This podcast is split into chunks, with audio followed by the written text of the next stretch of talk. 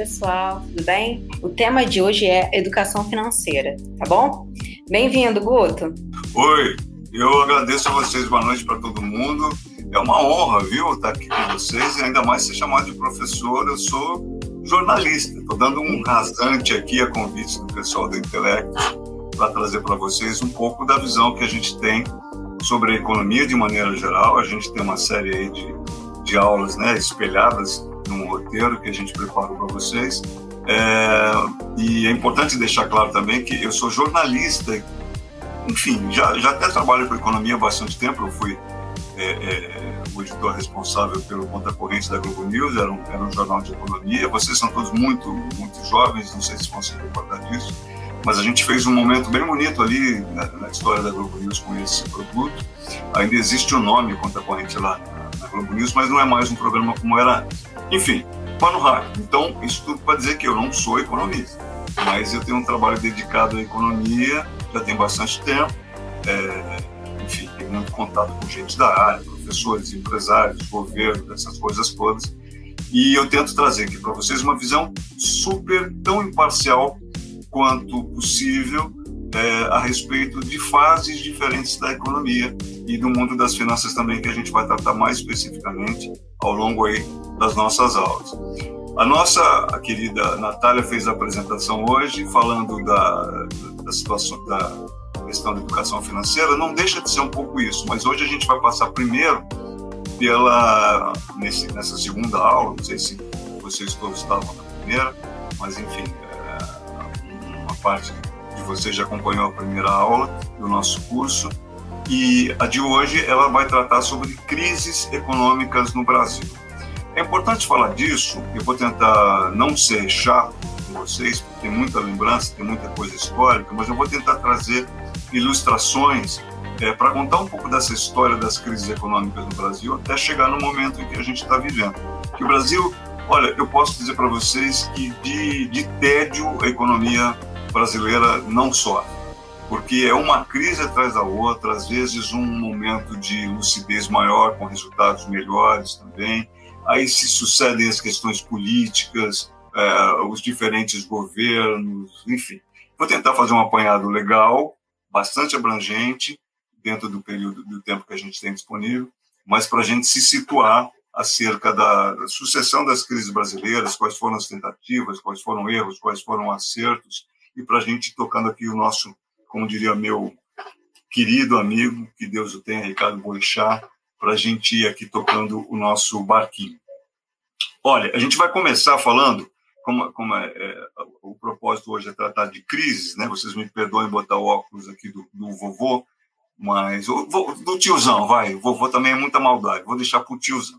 A gente vai começar falando da crise do período da ditadura militar, crise econômica do período da ditadura militar, que aquela altura é, foi um período que ficou conhecido como o período do milagre econômico brasileiro. Vocês vão estar, ué, mas era um milagre econômico que é tratado como crise?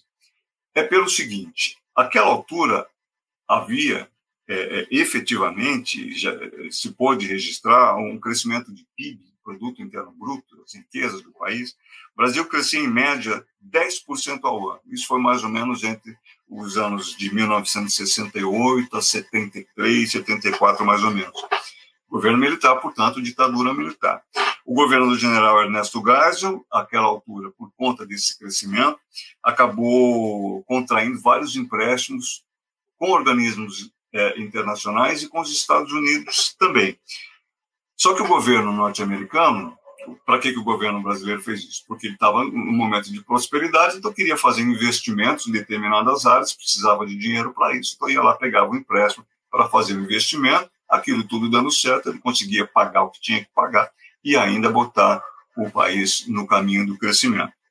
Essa é a minha visão, a minha melhor interpretação para aquele momento. O problema é que todo financiamento você, é, você é, aufere, digamos assim, você toma o financiamento pagando juros. E àquela altura, o governo norte-americano, sobretudo, elevou muito os juros da dívida. E o Brasil foi ficando aqui, cada vez mais endividado, com mais dinheiro a ter que pagar para os Estados Unidos. É, portanto, o, o, já no finalzinho do período da, da ditadura militar, havia um, um progressismo, é, uma prosperidade, digamos assim, havia.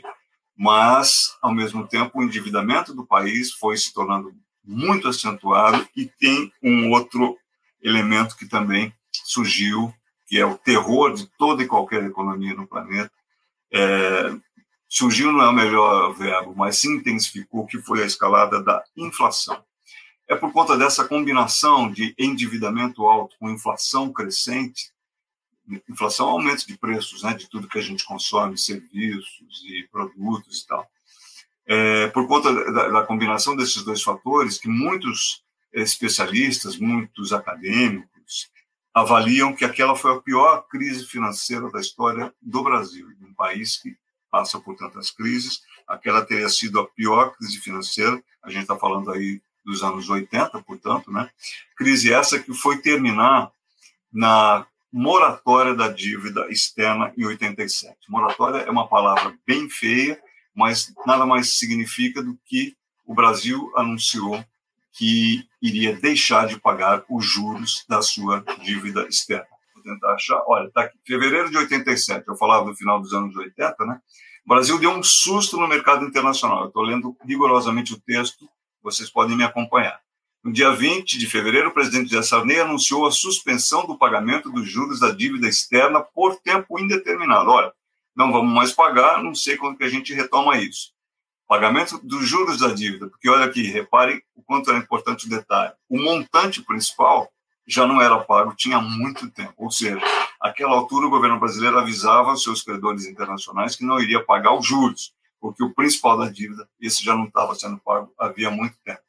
Essa situação perdurou durante bastante tempo. Agora, vocês imaginam que é para um país que sempre teve é, sobre si o interesse das empresas, dos investidores internacionais. O Brasil, àquela altura, a gente está falando aí de final dos anos 80, é, eu vou insistir, vocês são todos muito moços, mas se vocês perguntarem para seus parentes mais velhos, avós, tios, tias, pais, talvez, eles vão se lembrar que na Copa do Mundo de 1970, quando o Brasil ganhou aquele campeonato, foi a, a última seleção brasileira que o Pelé participou de uma Copa do Mundo, a música que se cantava, inclusive eu já, naquela altura eu já torcia pelo Brasil, era 90 milhões em ação, para frente Brasil do meu coração.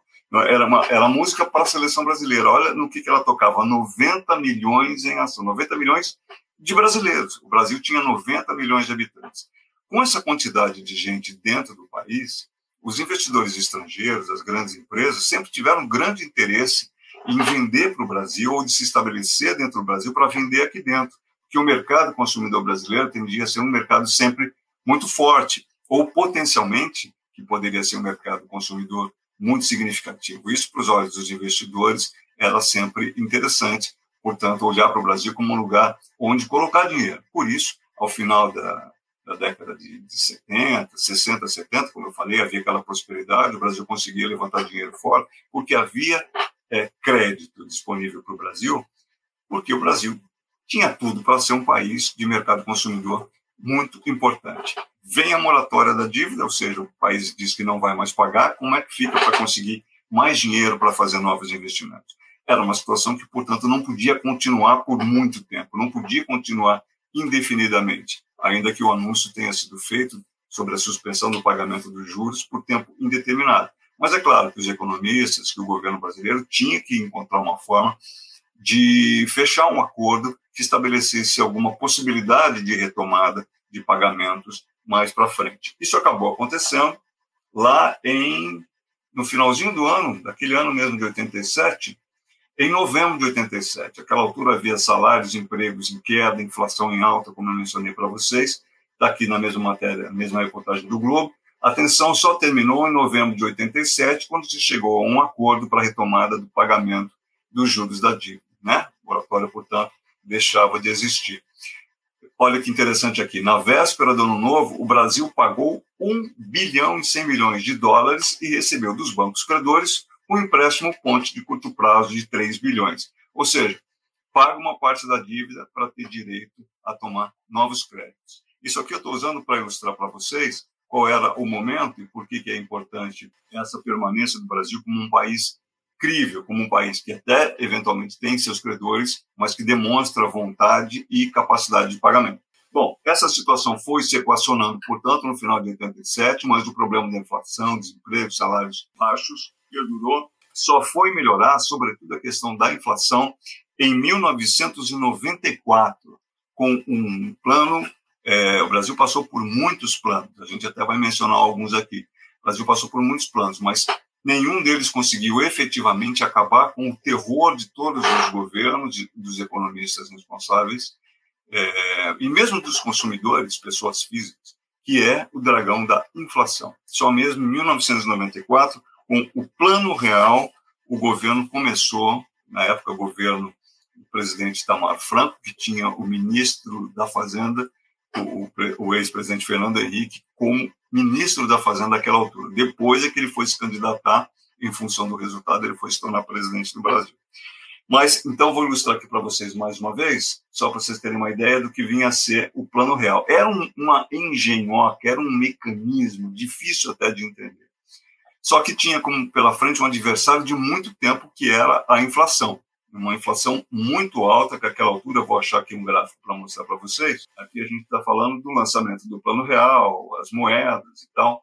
Tem um gráfico aqui que vai ilustrar para vocês aonde chegou essa inflação e por que ela tinha que ser combatida. Me perdoe enrolar aqui rapidamente. A inflação antes e depois do Plano Real. Reparem que ali, até 1993, a inflação foi bater em 2.477% ao ano, 2.477% ao ano. Em 94 vem o Plano Real, ela já começa a baixar, foi bater em 916%, e daí para frente foi diminuindo, diminuindo, com aquilo que se considera até hoje um efetivo domínio por parte do governo, domínio da, do dragão da inflação. Olha, a gente hoje está 3,74, esse gráfico vai até 2018, a inflação hoje, nossa, hoje em dia está ao redor de 4%, mais ou menos, por ano. Foi graças ao Plano Real, portanto, que é, o, o, o, governo conseguiu, pela primeira vez, controlar efetivamente o,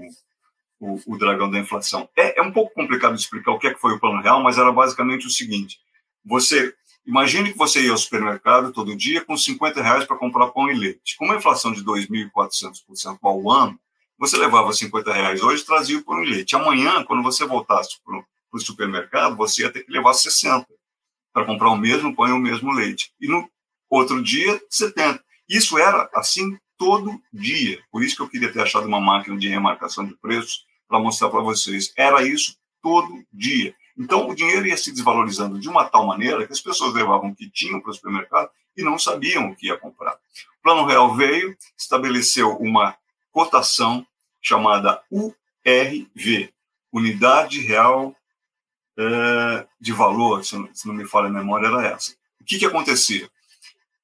Tinha uma tabelinha que era fixada nos, nas agências de bancos, nos supermercados, com letras bem miúdas, números muito, muito pequenininhos, que era a conversão da URV do dia.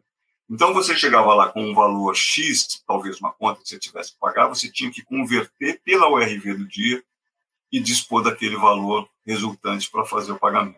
Com isso, o governo foi fixando o valor da, do dinheiro, sem deixar que a inflação disparasse como acontecia anteriormente. Eu vou, vou parar por aqui, porque a explicação é técnica, é mais chata, mas era basicamente isso.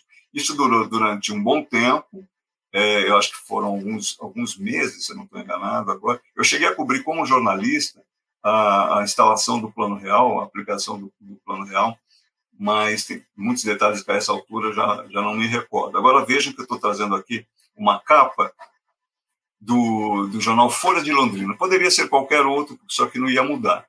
É, que diz o seguinte: hoje, véspera da entrada em vigor da nova moeda brasileira, a última URV, aquela unidade de conversão, vale 2.750 cruzeiros novos. Então, quer dizer, a URV durou até valer 2.750 cruzeiros novos.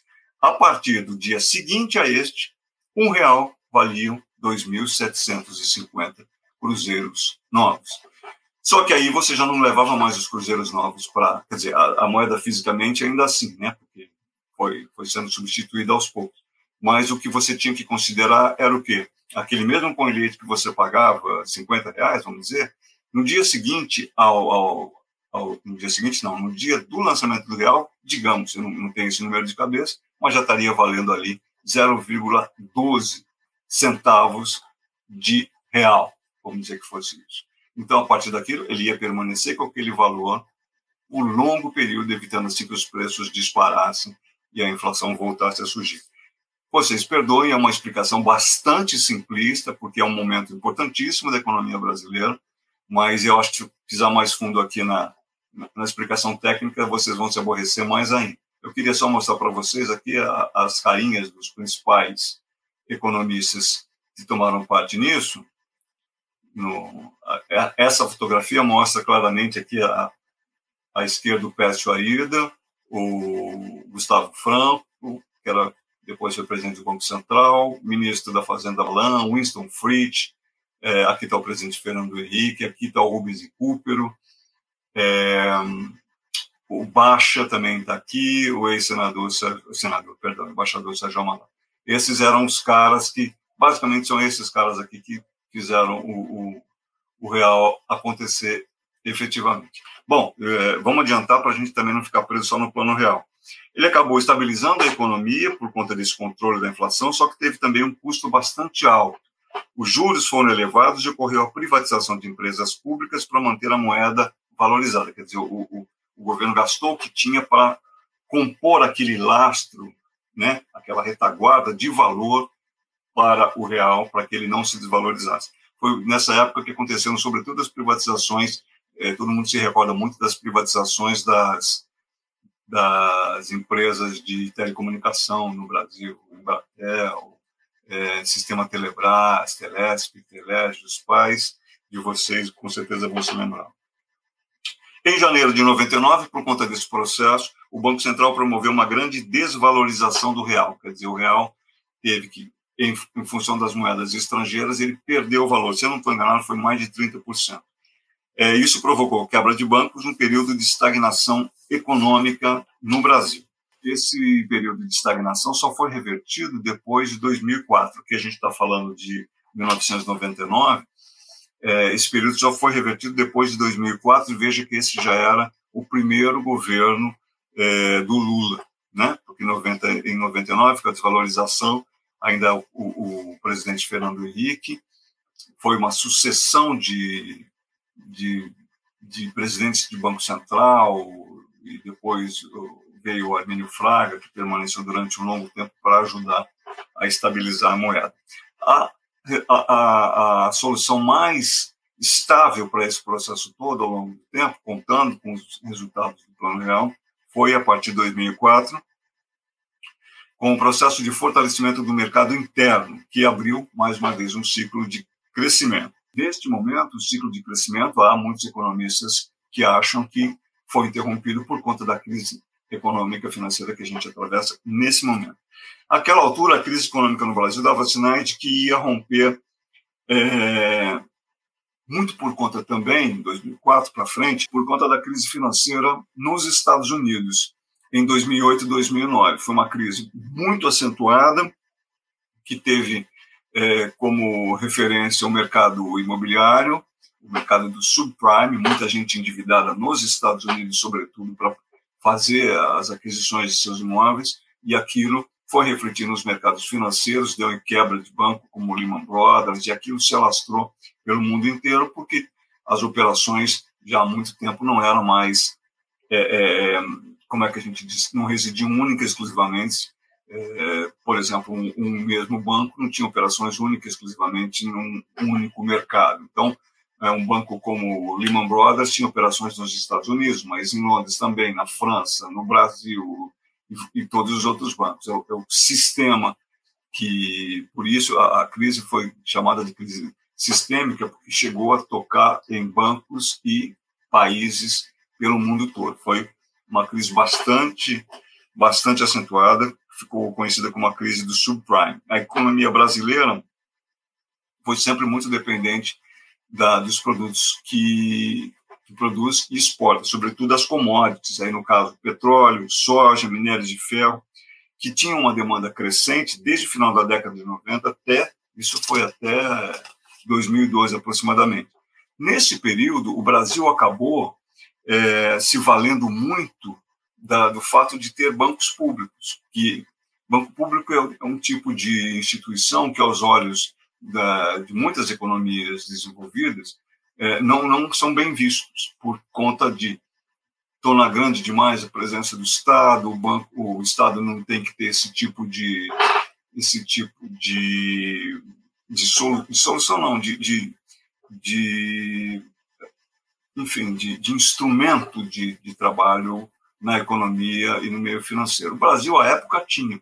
E olha, que foi com a ajuda dos bancos públicos, com a injeção de dinheiro público, que pelo menos no primeiro momento, no enfrentamento da crise de 2008, que foi uma crise mundial, naquele momento o Brasil, por se valer dos recursos de seus bancos públicos, conseguiu sair da crise com relativa rapidez, mais rápido do que países como é, Inglaterra, como os Estados Unidos, como a Alemanha, como o próprio Japão, por conta de ter a possibilidade de injetar dinheiro público nas operações que é, considerava que trariam melhores resultados para a economia brasileira. Nesse período de crescimento econômico que o Brasil alavancou, o produto interno bruto do país apresentava uma taxa de, em média, 7,5%. Assim, eu acho que eu não, se for, eu acho que foi em 2010 que o Brasil bateu lá para 10% de crescimento no ano, foi um crescimento bastante significativo. E, a época, o governo Lula se aproveitou para incentivar também uma política de consumo que, aos olhos dos analistas, de um lado, é, promoveu estabilização, a inflação já estava muitíssimo mais equilibrada, o governo conseguiu desenvolver uma política de crédito barato e juros subsidiados para os empresários que eram escolhidos pela administração da presidência. Setores da, da produção nacional tiveram esse tipo de benefício. Então, eu me lembro de cabeça que linha branca, faz fogão, geladeira tal, teve esse tipo de incentivo fiscal, crédito barato, para trazer, para produzir, para se desenvolver e permitir que a produção aumentasse, a economia se alavancasse e tal. Com o passar do tempo, claro que isso acabou tendo resultados é, contraditórios, porque os outros setores que não eram beneficiados, por exemplo, reclamavam da postura do governo em escolher determinados setores para amparar. Agora, esse sistema permitiu, em boa medida, neste momento, que muita gente das classes C, classe D, classe E, começassem a ter uma ascensão profissional e passassem a integrar o mercado consumidor. Gente que nunca tinha comprado é, eletrodoméstico, nunca tinha viajado para o exterior, nunca tinha comprado carro. Então, muita gente passou a ter essa possibilidade de consumir. Isso, sem dúvida, propiciou um crescimento, pelo menos temporário, de áreas de desenvolvimento da economia é, inclusive, olha, ingressando no ensino superior por conta de políticas públicas. O problema é não houve investimentos pensando no longo prazo, seja por parte das pessoas, seja por parte do próprio governo. Né? Então, aquele benefício imediato de, de começo, ele foi bom no princípio, mas no final das contas, é, não necessariamente todo mundo conseguiu ingressar nesse mercado consumidor e permanecer nesse mercado consumidor, seja do ponto de vista de aprendizado, de estudos, ou mesmo da possibilidade de, de aquisição de bens materiais. É, por conta disso, dessa ausência de investimento para longo prazo, é, não, não, havia possibilidade de preparar todo esse, esse grande exército de novos consumidores para eventuais crises que viriam adiante. Nesse mesmo período, o governo acabou investindo em, sobretudo, em infraestrutura, que é o tipo de de obra, que é o tipo de setor na economia brasileira que há muito tempo, primeiro, precisa de investimentos maciços e importantes e não necessariamente recebe os investimentos destinados às finalidades úteis. Para não dizer que eu estou inventando. É, outra pesquisa que vocês podem fazer no Google rapidamente é, por exemplo, a rodovia Transamazônica. O Brasil é um país imenso, do tamanho de um continente, precisa, evidentemente, estar todo ele tão bem interligado quanto possível. Hoje, não por acaso, houve o leilão de 22 aeroportos é, na Bolsa de Valores de São Paulo, 22 aeroportos, inclusive do norte, de cidades pequenininhas mesmo do norte, então, mas cidades importantes como Manaus, como Teresina, como São Luís, é, aeroportos na região central do Brasil, porque o Brasil é muito grande e a interligação entre as principais cidades, as principais regiões é, de mercado, sofre muito porque não tem a malha é, aérea necessária, ou a, a infraestrutura do aeroporto não permite receber mais um número mais significativo de voos. Então, a, a, o investimento nesses leilões, o investimento nessas áreas, vem a partir da aquisição desses aeroportos por períodos determinados, em geral são 30 anos, é, para que é, o investidor privado faça o investimento em melhores condições de usabilidade, né, de, de funcionalidade desses portos, aeroportos e até mesmo ferrovias. Ferrovia, eu comecei falando da rodovia transamazônica, acabei é, indo um pouco longe demais, mas a transamazônica foi uma obra que era pensada para integrar o, o norte do país ao resto do país, que hoje em dia ela praticamente já não existe mais, está lá no meio da floresta. Foi uma rodovia que foi incentivada lá no, no período de no final da década de no período da ditadura militar e mais uma obra que que não foi adiante. Eu usei a ideia da, da Transamazônica para ilustrar, mas houve diversas outras obras que também ou não foram totalmente é, concluídas ou ficaram pela metade e representam hoje uma funcionalidade menor do que poderia ter. Ferrovia Norte-Sul, por exemplo. Todo mundo que, que vem do exterior, Estados Unidos, Europa, para o Brasil, que tem a curiosidade de conhecer, fala, poxa, mas como é que vocês, com um país desse tamanho, não têm, por exemplo, muitas ferrovias para transporte de pessoas, para transporte, né? Imagina você pegar um trem no Rio de Janeiro e poder ir até Brasília, como se faz nos países europeus, que tem linhas ferroviárias incríveis, você viaja para a Europa inteira naqueles trens, é, que são rápidos, são confortáveis e que normalmente têm tarifas mais acessíveis para a maior parte das pessoas. Ou mesmo quando a gente fala no transporte do minério de ferro, por exemplo, que eu estava mencionando, o Brasil depende muito de commodities, de vender petróleo, soja, minério de ferro para o exterior. Tudo isso é transportado normalmente por rodovia. O Brasil é muito dependente disso. Então, todo investimento em infraestrutura, já de bastante tempo para cá, é bem-vindo bem e é necessário. O problema é que a dificuldade é fazer acontecer esse investimento por conta da, da, da crise econômico-financeira que o país parece que está sempre em crise, esse investimento ou não acontece ou acontece com muito, muita dificuldade. Bom, é, a gente já está chegando agora em 2008, crise econômica mundial, essa que eu mencionei, do subprime. As medidas aplicadas pelo governo Lula garantiram que o mercado interno continuasse funcionando. Foi mais ou menos isso que eu mencionei para vocês, quer dizer, as pessoas que anteriormente não tinham praticamente acesso ao consumo, é, viagens, estudos e aqui mesmo aquisição de bens, é, esse, esse, este exército de consumidores teve acesso finalmente a esse mercado consumidor. Estima-se, eu já ouvi vários números, mas imagina-se, calcula-se, melhor dizendo, que é um, um, exército entre 30 e 40 milhões de brasileiros que não compravam, não consumiam e que passaram a integrar esse mercado. Nem todo mundo, como eu disse anteriormente, conseguiu permanecer, mas pelo menos tiveram acesso a, a esse mercado e, em alguns casos, claro, isso acabou favorecendo para condições melhores de vida para muita gente.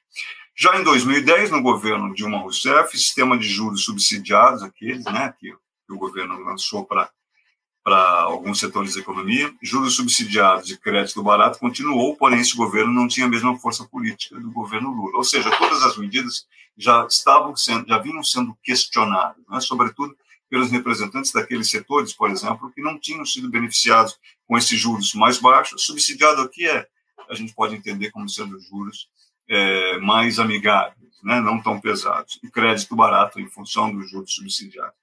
Aqueles representantes na política dos setores que não tinham sido beneficiados é, começaram a questionar, em, inclusive, os porquês daquelas escolhas. As relações do ex-presidente Lula, no caso, e os empresários que eram favorecidos pelo sistema não se estenderam até o governo Dilma. É mais ou menos o que eu estou falando. Não conseguiu fazer aquilo permanecer. Associado a isso, começava a vir à tona os problemas de corrupção investigados pela Operação Lava Jato.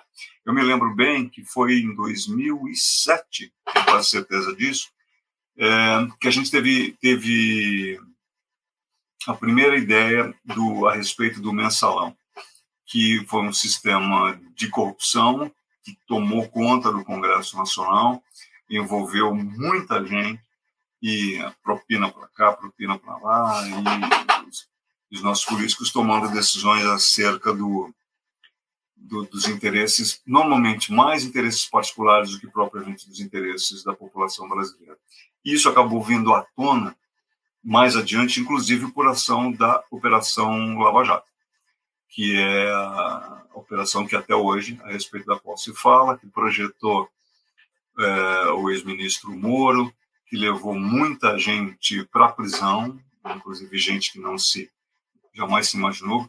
É, a Lava Jato conseguiu, ela tem o mérito de ter colocado na prisão é, o famoso bandido do colarinho branco, que é, jamais se imaginava que seria preso num país como o Brasil. Muita gente acabou sendo presa, sim, e deixando um rastro de corrupção que vem sendo investigado e continua até hoje. Quer dizer, praticamente agora acabou a Lava Jato, também aí há influência política, porque mesmo hoje no Congresso Nacional, muitos dos parlamentares ainda têm algum grau de envolvimento nas denúncias feitas pela pela Lava Jato. É claro que este chacoalhão na, na, política brasileira teve suas consequências.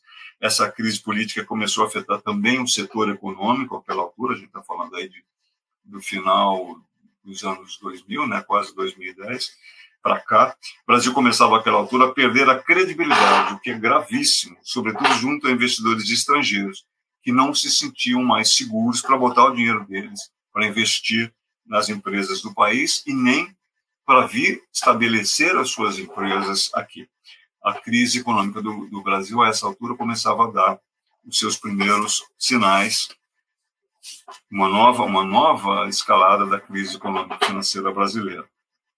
Para não ter aumento na inflação e evitar a crise econômica mais aprofundada, as tarifas públicas foram congeladas naquela altura, mas algumas empresas do setor, por exemplo, de eletricidade, quebraram o contrato e a população foi quem acabou pagando o pato. A gente é, é, precisa fazer uma, uma, uma paradinha aqui para lembrar do seguinte para vocês, que todas as tentativas de planos que aconteceram, aqui a gente mencionou só o Plano Real, que foi quem deu jeito praticamente na inflação e ajudou a colocar o Brasil, é, pelo menos no rumo do, do reequilíbrio do, dos preços, reequilíbrio dos custos. Mas houve uma série de outros planos bastante importantes, que foram tentativas de debelar crises econômicas também. Eu acabei não me detendo em planos específicos, como o plano Collor, como o plano Bresser, mas eles mereceriam uma atençãozinha particular. Só estou fazendo esse recorte aqui para vocês terem claro que realmente a, o combate às crises brasileiras vem já de bastante tempo. Eu queria, por exemplo, relembrar do, do rapidamente do plano do plano Collor plano Collor foi em 1990, devo ter aqui uma ilustração, vou tentar achar para vocês, porque, olha, está aqui, nesse caso aqui, plano Collor, 16 de março de 1990, o governo do, do ex-presidente Fernando Collor de Mello, ministro da Economia era Zélia Cardoso de Mello. Olha só o, os parâmetros que, que esse plano tentou enfrentar. Olha a inflação onde estava àquela altura, 1990.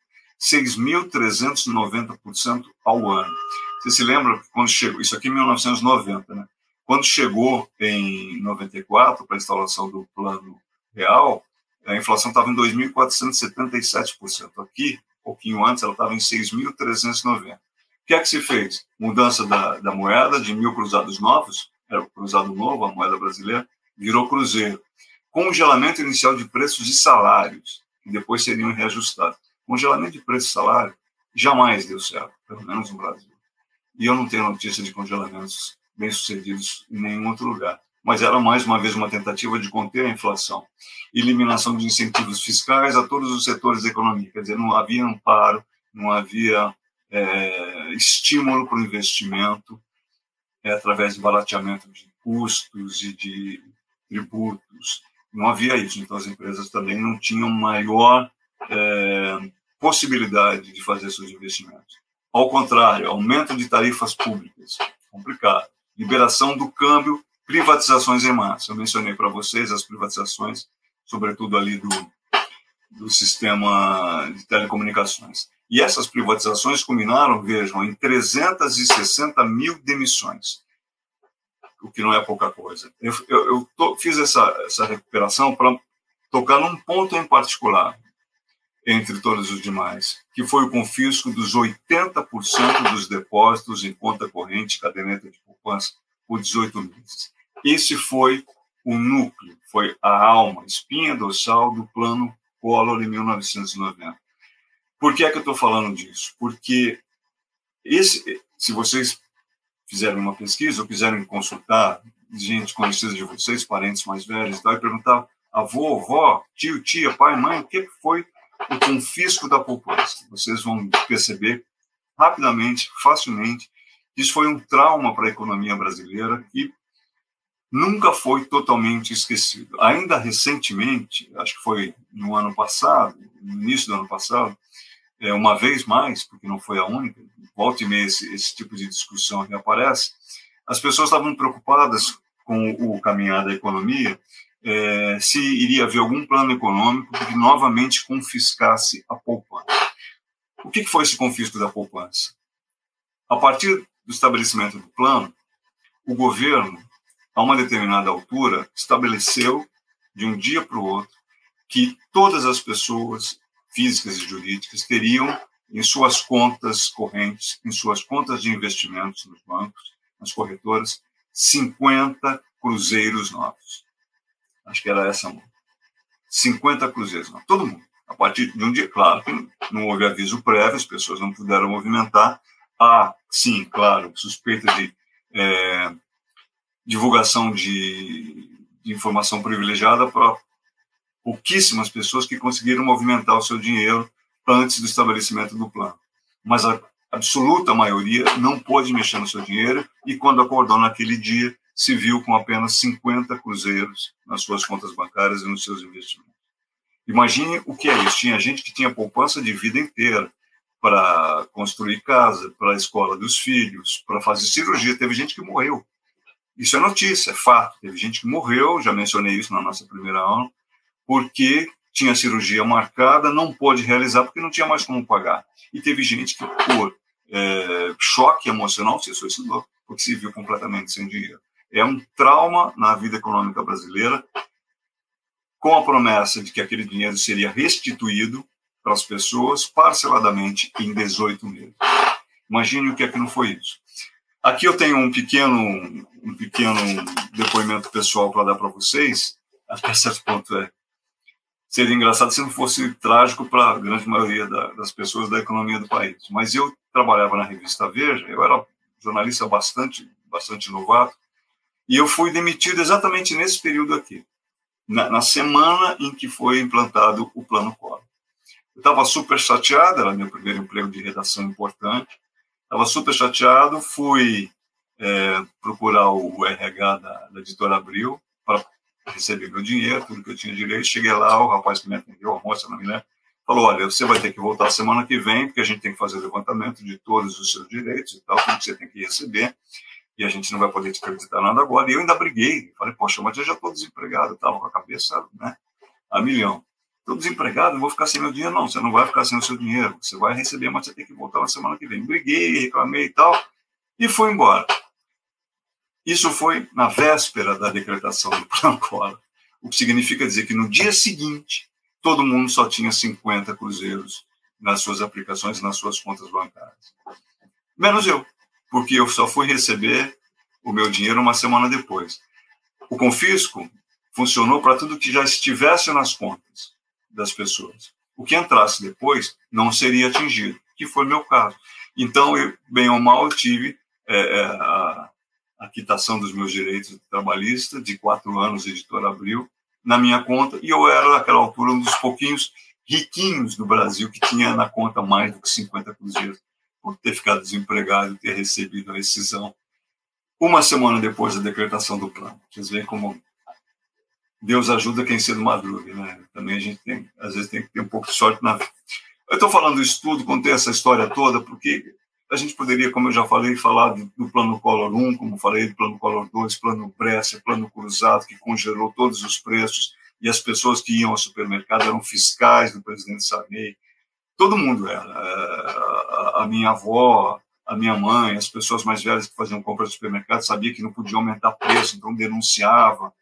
Enfim, o, o, o Brasil já viveu toda uma sorte de planos para, sobretudo, equilibrar as contas, mais, mais ainda, mais marcadamente, a inflação.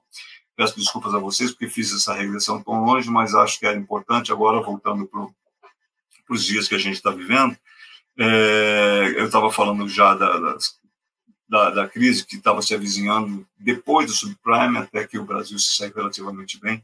Mas lá em 2014, o Brasil começou a reviver um fantasma perigoso chamado recessão. 2014, vejam só, produto interno bruto, né, produção das riquezas, caiu, não cresceu naquele ano, caiu 3,8%.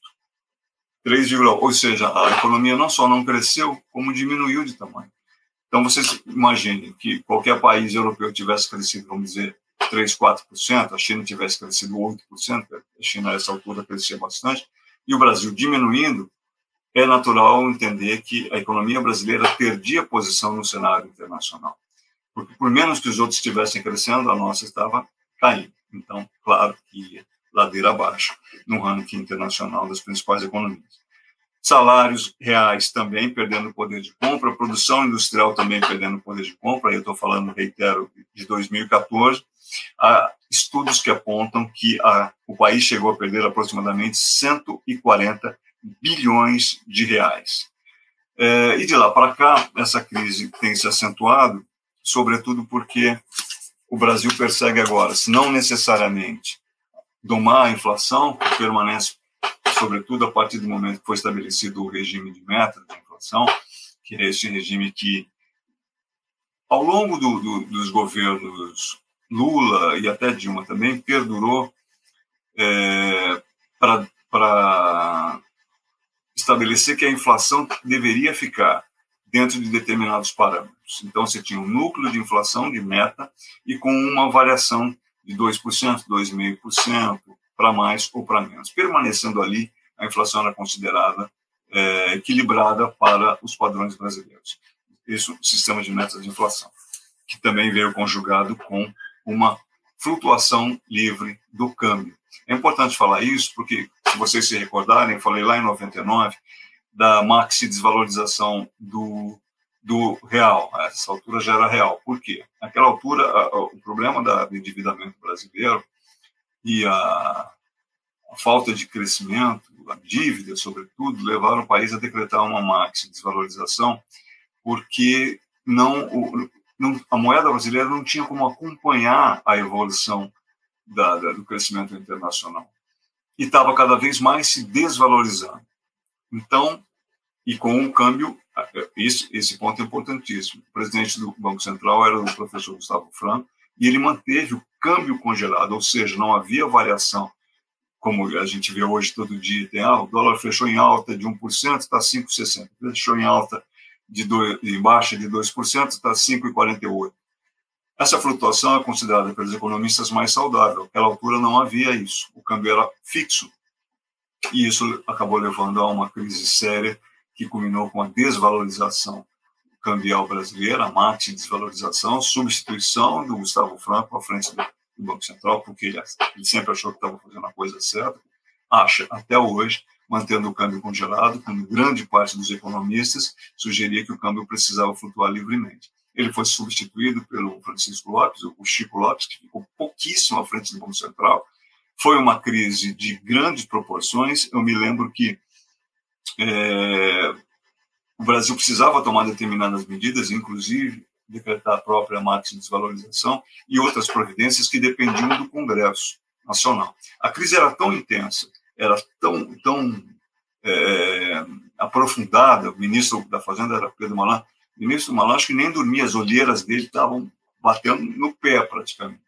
Só que teve um, um, um resultado que eles, a equipe econômica brasileira apresentou a situação de maneira tão nítida, tão transparente para o Congresso brasileiro, dizendo precisamos da ajuda de vocês e precisamos de uma ajuda imediata, conseguiram fazer isso de maneira tão efetiva que, olha, eu não me lembro de outro momento, mesmo acompanhando a economia brasileira como jornalista, eu não me lembro de outro momento de ter visto o Congresso brasileiro tomar decisões é, dentro do que uma equipe econômica de governo sugeria, tão, de maneira tão rápida. O Congresso respondeu muito rapidamente, o Brasil inteiro estava muito assustado, a equipe econômica sabia que tinha que agir, agir rápido, e o Congresso entregou à equipe econômica e ao governo brasileiro naquela altura as decisões mais diretas, rápidas e efetivas, como eu jamais vi se repetir.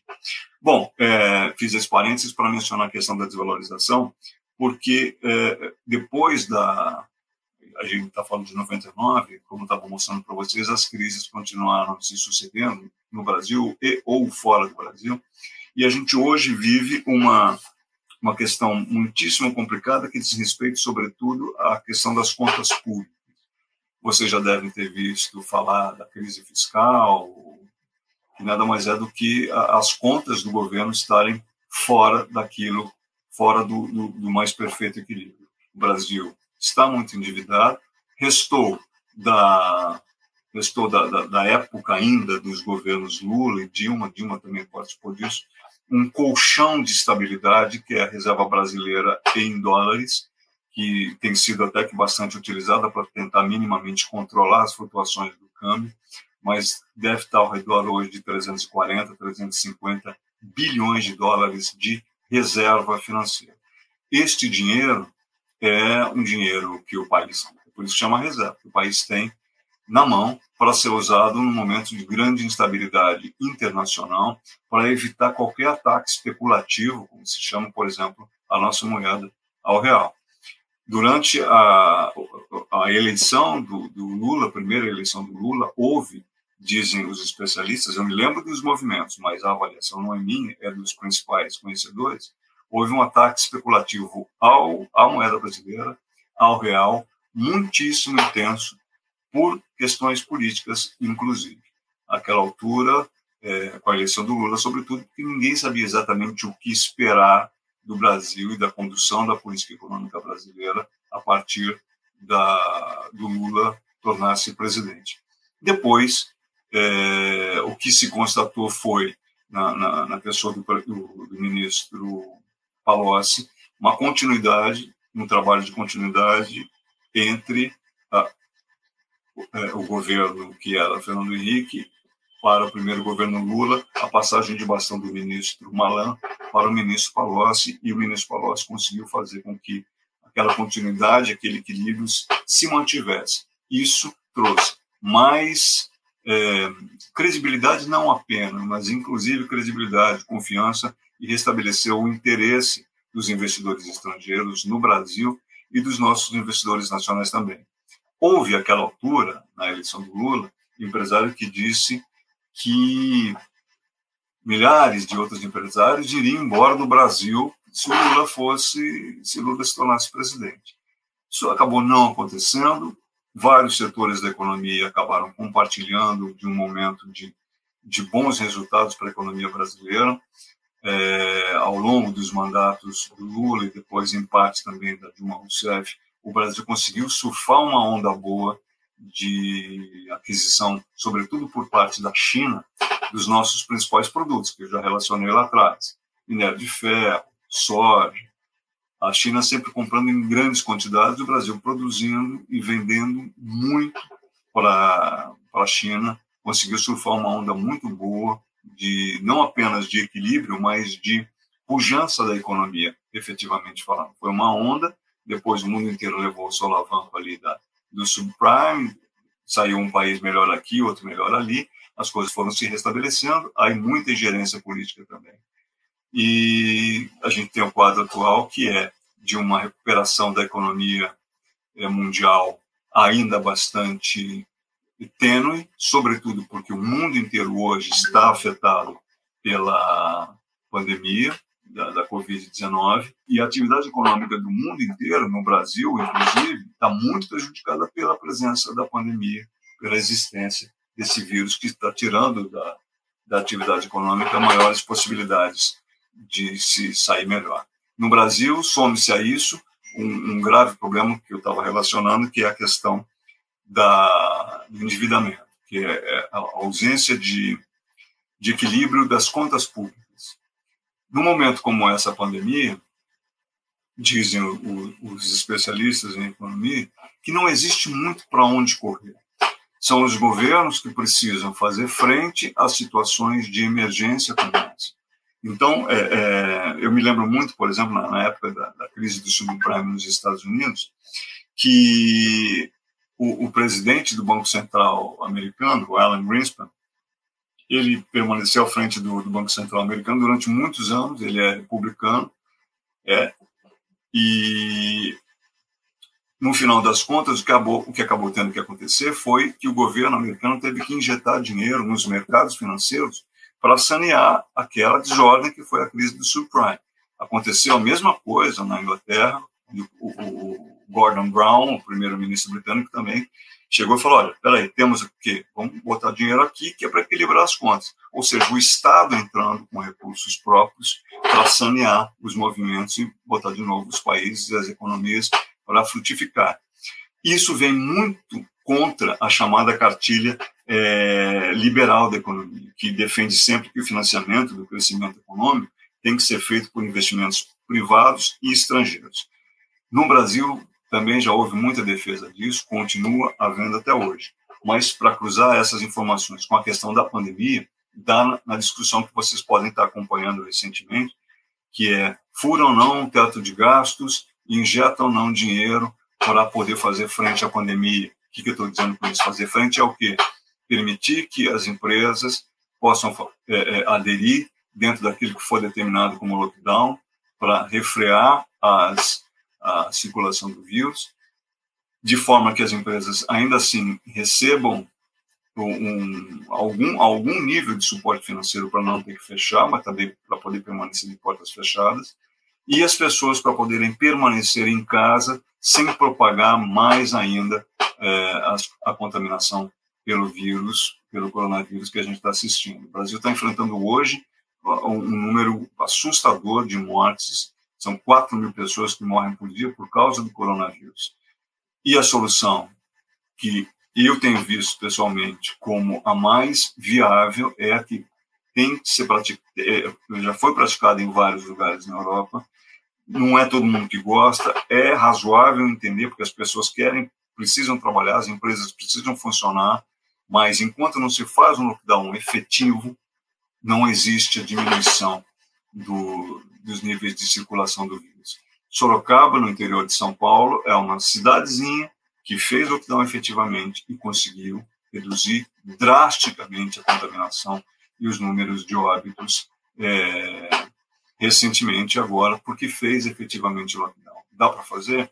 Dá para fazer. Precisa de vontade política? Precisa de vontade política. Mas, neste momento, precisa, sobretudo, de amparo do Estado para poder botar dinheiro, fora, fora o teto de gastos, que é uma lei que, que orienta os limites é, para o governo se utilizar do dinheiro que é, que é público, sim, fura, mas é para uma questão de sobrevivência da própria, não apenas da economia, mas da própria sociedade brasileira. Então, a gente está vivendo esse esse dilema, vocês devem ter, né, estar acompanhando isso aí nos, nos telejornais, sobretudo, é, juntamente com a questão do desequilíbrio das contas públicas, e é coisa que não vai se resolver tão cedo. Aqui uma pensata de um, de um jornalista que eu respeito, da área de economia também, que salienta que nenhum país do mundo desenvolvido atingiu alto grau de competitividade global dependendo apenas de dinheiro estrangeiro, que é aquela questão da cartilha neoliberal. Em todos os casos, o Estado teve papel preponderante como indutor do desenvolvimento econômico. É mais ou menos o que eu estou dizendo. Age o Estado para permitir que, equilibradas as coisas, a, a, as frentes de atividade, os números da economia, os parâmetros econômicos e financeiros, o país possa se realinhar. Mesmo nos Estados Unidos, os liberais apontam como sempre o modelo do neoliberalismo. Agora veja, eu resgatei a, a, a, imagem do Alan Greenspan, porque ele, e é com isso que eu vou encerrar aqui a nossa conversa, é, eu me lembro de ainda à frente do Contracorrente ter, ter, ter registrado, digamos assim, um posicionamento do Alan Greenspan que me pareceu muito importante. Ele, como republicano, presidente do, do Banco Central americano, portanto, proposta neoliberal é, raiz, por princípio, aquela altura depois da crise do subprime mais intensificada, ter causado quebra do Lehman Brothers, ter causado prejuízo para tanta gente, e de ter visto o Tesouro americano ter que entrar com dinheiro para o sistema não quebrar como um todo, ele mesmo disse, é, não, não, não com essas palavras exatamente, mas com esse conceito. Pois é, acho que a gente passou tempo demais acreditando que o mercado iria resolver todos os problemas. Toda, toda conquista é, que, o, que o Brasil teve do ponto de vista econômico, depois do Plano Real, decorre em alguma medida, sim, do Plano Real. Sabe por quê? Porque enquanto não fosse é, debelado o dragão da inflação, enquanto não fosse equilibrada a, a gangorra dos preços, de forma alguma o Brasil conseguiria estabelecer qualquer parâmetro de, de atuação econômica em nenhuma medida. É, eu me lembro bastante do ministro Malan, até porque ele sempre foi um, um cara muito é, gentil comigo como profissional, né? Eu já era jornalista da Globo News quando ele era ministro. O ministro Malan sempre foi bastante é, atencioso com a gente, muito respeitoso. E eu me lembro que ele dizia com bastante insistência: o maior imposto que o Brasil paga é, é o imposto inflacionário. Porque antes era aquilo que eu estava mostrando para vocês aqui em números: 6 mil por cento ao ano, 2.500 por cento ao ano. Isso é uma enormidade. É, pra, é, é a mesma coisa que dizer para você assim: não sei quanto vale o dinheiro que eu tenho na mão. Porque não dá mesmo para saber. Ninguém faz conta uma inflação de 6.900% ao ano, a nota de 50 que eu tenho hoje, quanto é que ela vai estar valendo amanhã? Vai estar valendo bem menos, mas ninguém sabe direito. Dá para comprar o pãozinho, dá para levar a carne, enfim.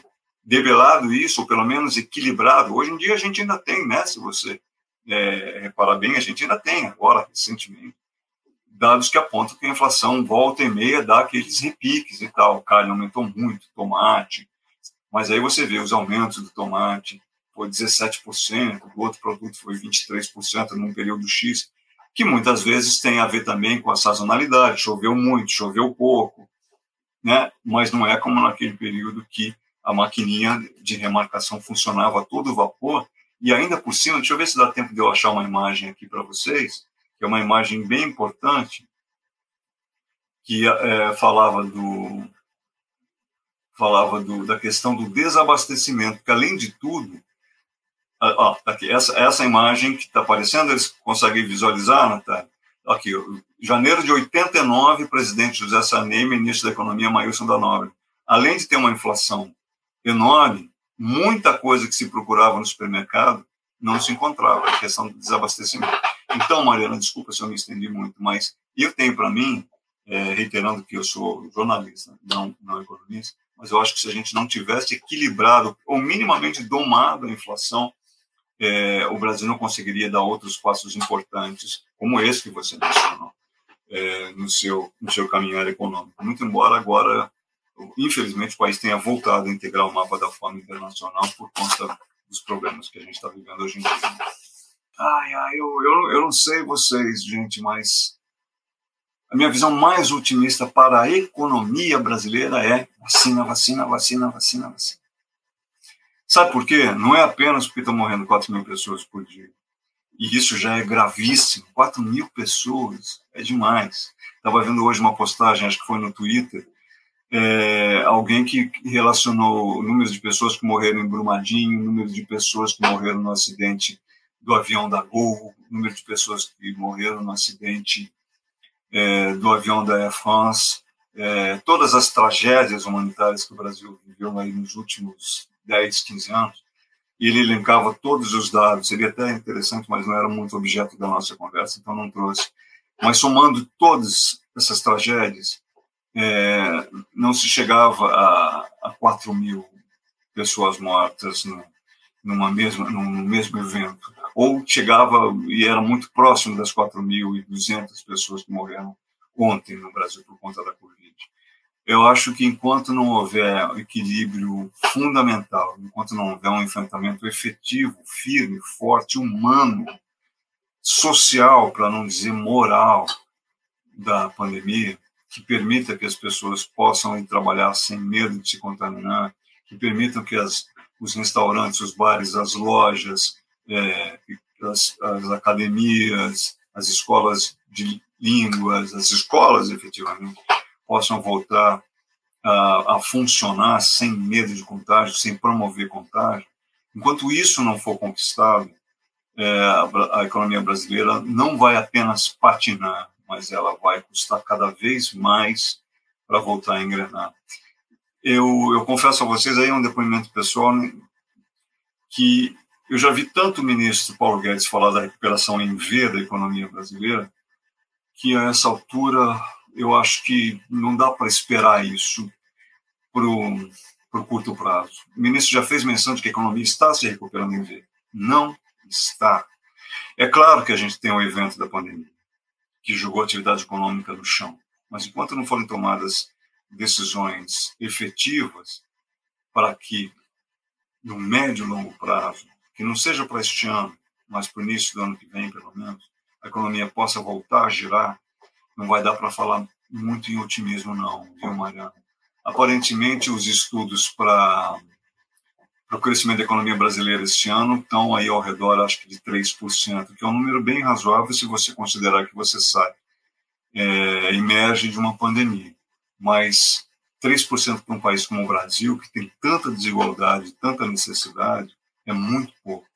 O Brasil precisa reencontrar o seu caminho. E, com certeza, a eleição do ano que vem é, um, é uma estação que a gente tem que passar, pela qual a gente tem que passar, parar, tirar o melhor resultado, votar o melhor possível, para que esse país possa, talvez, daqui a mais uns três ou quatro anos, conseguir retomar um ritmo de crescimento porque é o crescimento que vai trazer de volta o emprego, é o crescimento que vai permitir que, que a desigualdade seja reduzida, é o crescimento que vai tirar o Brasil de novo do mapa da fome, é crescimento. Mas, neste momento, antes de resolver a vacina, vacina, vacina, eu acho que ainda não dá para pensar num crescimento sólido que ampare todo mundo, Mariana. Não estou muito otimista, pelo menos não para já.